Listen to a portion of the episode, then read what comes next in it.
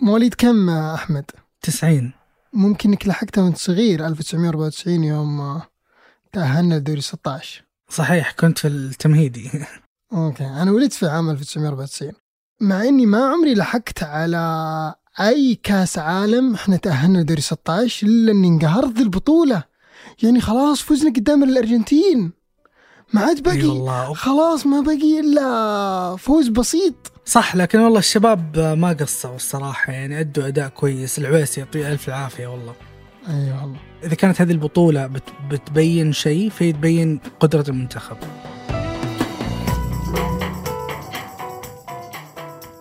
هذا بودكاست الفجر من ثمانية بودكاست فجر كل يوم. نسرد لكم فيه سياق الأخبار اللي تهمكم. معكم أنا أحمد تاج الدين. وأنا تركي القحطاني. حلقة اليوم عن بداية حرب بين تويتر وشركة أبل. وعن اقتراب كريستيانو رونالدو من نادي النصر السعودي.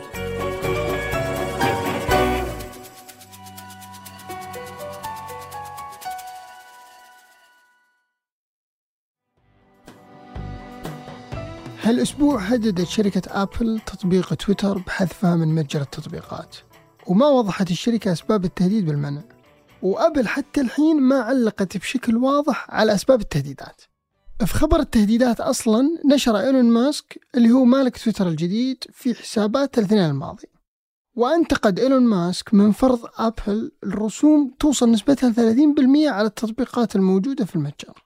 وفتحت هالتغريدات نقاش موسع حول سياسة أبل في استقطاع نسبة من مبيعات التطبيقات أو الخدمات المرتبطة فيها. وهالموضوع ما يعتبر جديد أصلا. فالصراع أثار عدد من الشركات اللي تملك تطبيقات من بينها اللعبة الشهيرة فورتنايت. ولكن تغريدات إيلون ماسك حول سياسة أبل رجعت القضية للواجهة من جديد خصوصا أنها تزامنت مع إيقاف شبه كامل للإعلانات من أبل في تويتر. وبحسب بلومبرج فالمعركة بين الشركتين تتركز على مسألتين.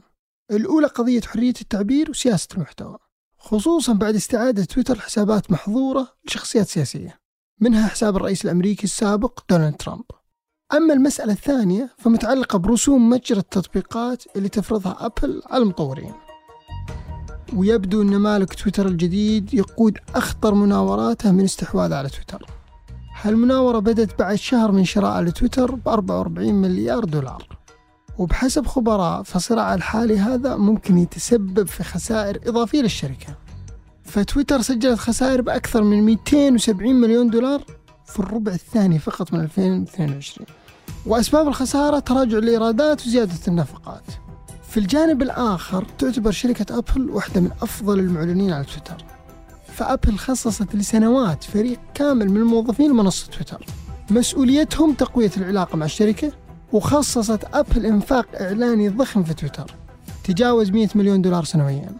وبحسب واشنطن بوست أنفقت أبل في أول ثلاثة أشهر من هالسنة 48 مليون دولار. هالرقم يشكل أكثر من 4% من إجمالي الإيرادات الخاصة بتويتر لهذه الفترة. ولكن من شهر نوفمبر بدأ الإنفاق الإعلاني لأبل في تويتر يتراجع. يتساءل البعض ليش يراهن ماسك بالدخول في حرب مع أبل اللي تدر له نسبة جيدة من الإيرادات وليش يدخل ماسك هذه المناورة الخطيرة؟ خصوصا أن في شركات حاولت تتحدى سياسة متجر أبل وخسرت بعض المزايا. فالكل تابع صراع تطبيق فورتنايت مع متجر أبل واللي أنتهى بحذف التطبيق من المتجر. لكن قبل لا ندخل في تفاصيل الصراعات خلنا نشرح لكم تاريخ متجر أبل. وإيش السياسات اللي يفرضها على المطورين والتطبيقات؟ أبل أطلقت متجر التطبيقات الخاص فيها في 2008 وكانت هالخطوة بداية انطلاق اقتصاد التطبيقات على مستوى العالم. فالمطورين في العالم كسبوا السنوات الماضية أكثر من 260 مليار دولار من متجر أبل. أما شركة أبل نفسها فحققت أكثر من 394 مليار دولار من الإيرادات في عام 2022 أكثر من 205 مليار دولار يعني أكثر من 52% من إجمالي إيراداتها جاء من هواتف الآيفون. لكن أجهزة الآيفون ما تعتبر مجرد منتج بالنسبة للشركة بل هي أيضا منصة أعمال ضخمة وجزء منها هي سوق التطبيقات. فأبل تحقق من خلالها الدخل عالي من مطوري التطبيقات سنويا يوصل حجم 22 مليار دولار بالإضافة إلى بعض رسوم الخدمات داخل التطبيقات المجانية واللي توصل نسبتها 30% زي ما قلنا. لذلك كل مليار يحققه مطوري التطبيقات من المتجر جزء كبير منه يروح أيضا كدخل شركة أبل. هالشيء يخلي أبل اليوم تلتزم بمعايير دقيقة وحساسة بالنسبة للمطورين. هالسياسات تعتبر اليوم محل خلاف مع الملياردير إيلون ماسك وشركات أخرى. فأبل بسبب التزامها بمعايير صارمة حذفت في السنوات الماضية بعض التطبيقات اللي يوصل عدد مستخدميها ملايين. أه وش التطبيقات اللي انحذفت؟ لو تتذكر آه، طلع آه، في تويتر هاشتاج اللي free فورتنايت هو من بين التطبيقات اللي حذفتها أبل من متجرها. ولعبة فورتنايت تملكها شركة إيبك جيمز ووصل عدد مستخدميها 350 مليون شخص. فاللعبة اللي كانت تحقق مليار و800 مليون دولار تم حظرها بعد ما سمحت للمستخدمين الدفع لها مباشرة بدون موافقة متاجر التطبيقات. وكان هدفها الفعلي توفير 30% من نسبة الاقتطاعات اللي تفرضها المتاجر في أبل وجوجل. واعتبرت أبل وقتها الخطوة هذيك إنها انتهاك البنود الاستخدام الخاصة فيها. هالشيء دفع Epic Games المطور للعبة إنها تطلق متجرها باللعبة على الحواسب الشخصية وتفرض نسبة 12% فقط. ووفرت الشركة لعبتها في موقعها مباشرة حتى تضمن أن اشتراكات المستخدمين تروح للشركة بالكامل. أما على مستوى التطبيقات العربية حذفت أبل تطبيق كويتي اسمه Fakespot وهو تطبيق مشهور يستخدم لتقييم مراجعة منتجات المزيفة. واضطرت أبل أنها تحذف التطبيق بعد شكوى من شركة أمازون. فأمازون قالت أن التطبيق يقدم معلومات مضللة عن المنتجات ويمكن يسبب مخاطر أمنية. وفكرة تطبيق Fakespot هو تحليل مصداقية مراجعات منتجات أمازون.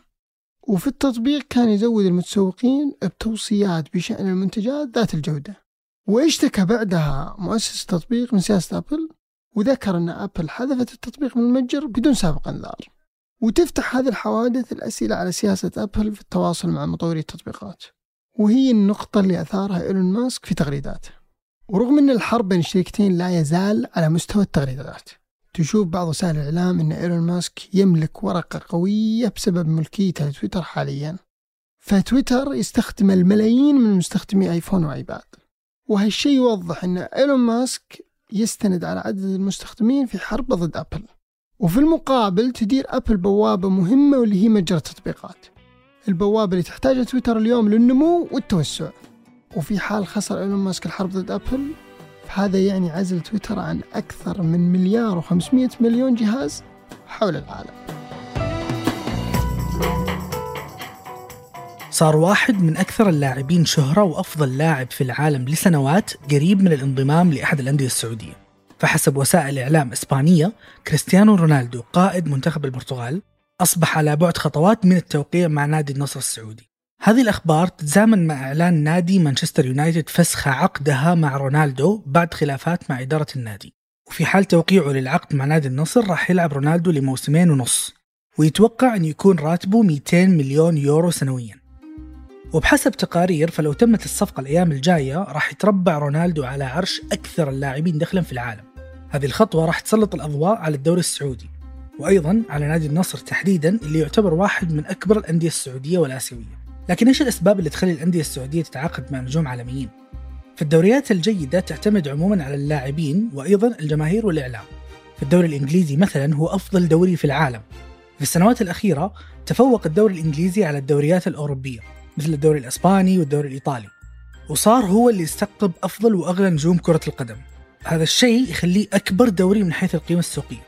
وعشان كذا فانضمام رونالدو للدوري السعودي راح يكون نقلة مهمة. كونه راح يجي من مانشستر أحد أنجح الأندية في تاريخ كرة القدم وباعتباره من اللاعبين القلة اللي لعبوا في خمس دوريات مختلفة في مسيرته الكروية فأخبار مغادرة رونالدو للدوري الإنجليزي أصبحت مؤكدة فوسائل الإعلام تشير إلى أنه أصبح يتغيب عن المباريات والتمارين الاعتيادية مع النادي في الأسابيع الأخيرة بسبب خلافات مثل ما ذكرنا فكريستيانو هاجم مانشستر يونايتد وانتقدهم علنيا مع الإعلام البريطاني بيرس مورغان. وذكر رونالدو أنه ما يحترم مدرب الفريق أبدا. وأن تصرفات النادي معاه توحي بأنهم يحاولوا إجباره على مغادرة النادي. وعشان كذا وجه رونالدو انتقادات حادة لملاك النادي واللي هم ستة من أبناء المالك السابق مالكوم جليزرز.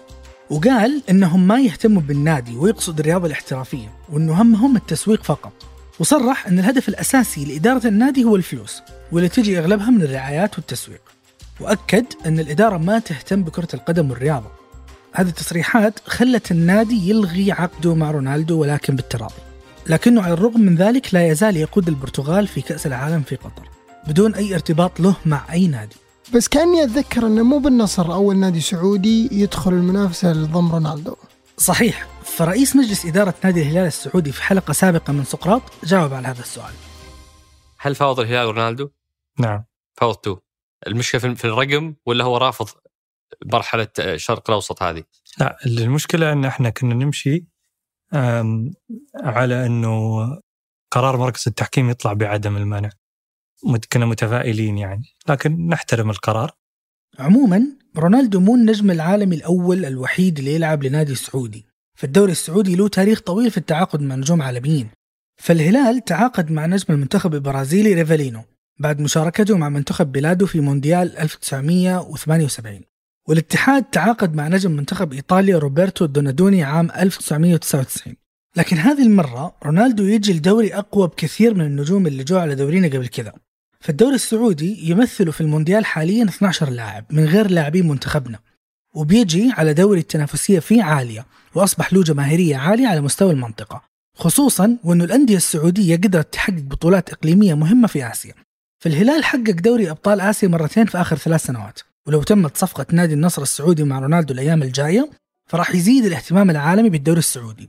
فغير أنه رونالدو هو الهداف التاريخي لريال مدريد ب 450 هدف هو أيضا أكثر لاعب حقق جائزة أفضل لاعب في العالم ثلاث مرات وأكبر هداف في تاريخ كرة القدم على الإطلاق.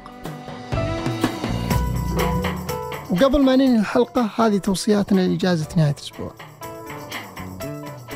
أولا قصيدة الملك فيلم وثائقي من إنتاج شركة ثمانية للنشر والتوزيع يشارك في مهرجان البحر الأحمر السينمائي الدولي. عن قصة الشاعر حيدر العبد الله اللي ألقى قصيدة ترحيبية أمام الملك سلمان عام 2016 وكلمة واحدة في تلك الأمسية غيرت كل شيء في حياته. الفيلم بيكون متاح في سينما VOX في ال Red Sea Mall في جدة الأسبوع القادم. وأيضا فيلم Interstellar للمخرج نولان راح يعرض في VOX سينما بدءا من اليوم 1 ديسمبر. لا تفوته لو كنت تبغى تسترجع أداء ماثيو ماكونهي العظيم. أو اللي ما شافه يلحق يشوفه التحفة البصرية في شاشة السينما. وبالتزامن مع الأجواء الكروية في كل مكان عندنا توصية الكتاب حكاية عامل غرف. وهو عبارة عن مجموعة قصص لكل منها صبغة إنسانية ترتبط بكرة القدم والحياة معها. تأتينا من أمريكا اللاتينية اللي الكورة عندهم شغف وطني. وهزائم المنتخبات بالنسبة لهم كارثة قومية على مستوى الأمة. ونختم توصياتنا بمسلسل The White Lotus اللي بدأ عرض الموسم الثاني منه. وهو مسلسل من إنتاج HBO يتكلم عن علاقات ضيوف موظفين منتجع صيفي على المحك في قالب ساخر. وبدل ما يكون أسبوع الإجازة فرصة للتمدد على البحر والغوص في أعماقه بتلاقي الشخصيات نفسها في صراع أخلاقي وثقافي حاد مع أصدقائهم وعائلاتهم وأنفسهم قبل كل شيء.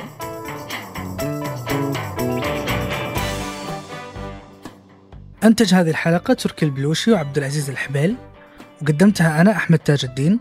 وأنا تركي القحطاني. وراجعتها أسيل با عبد الله وحررها محمود أبو ندى نشوفكم فجر الأحد.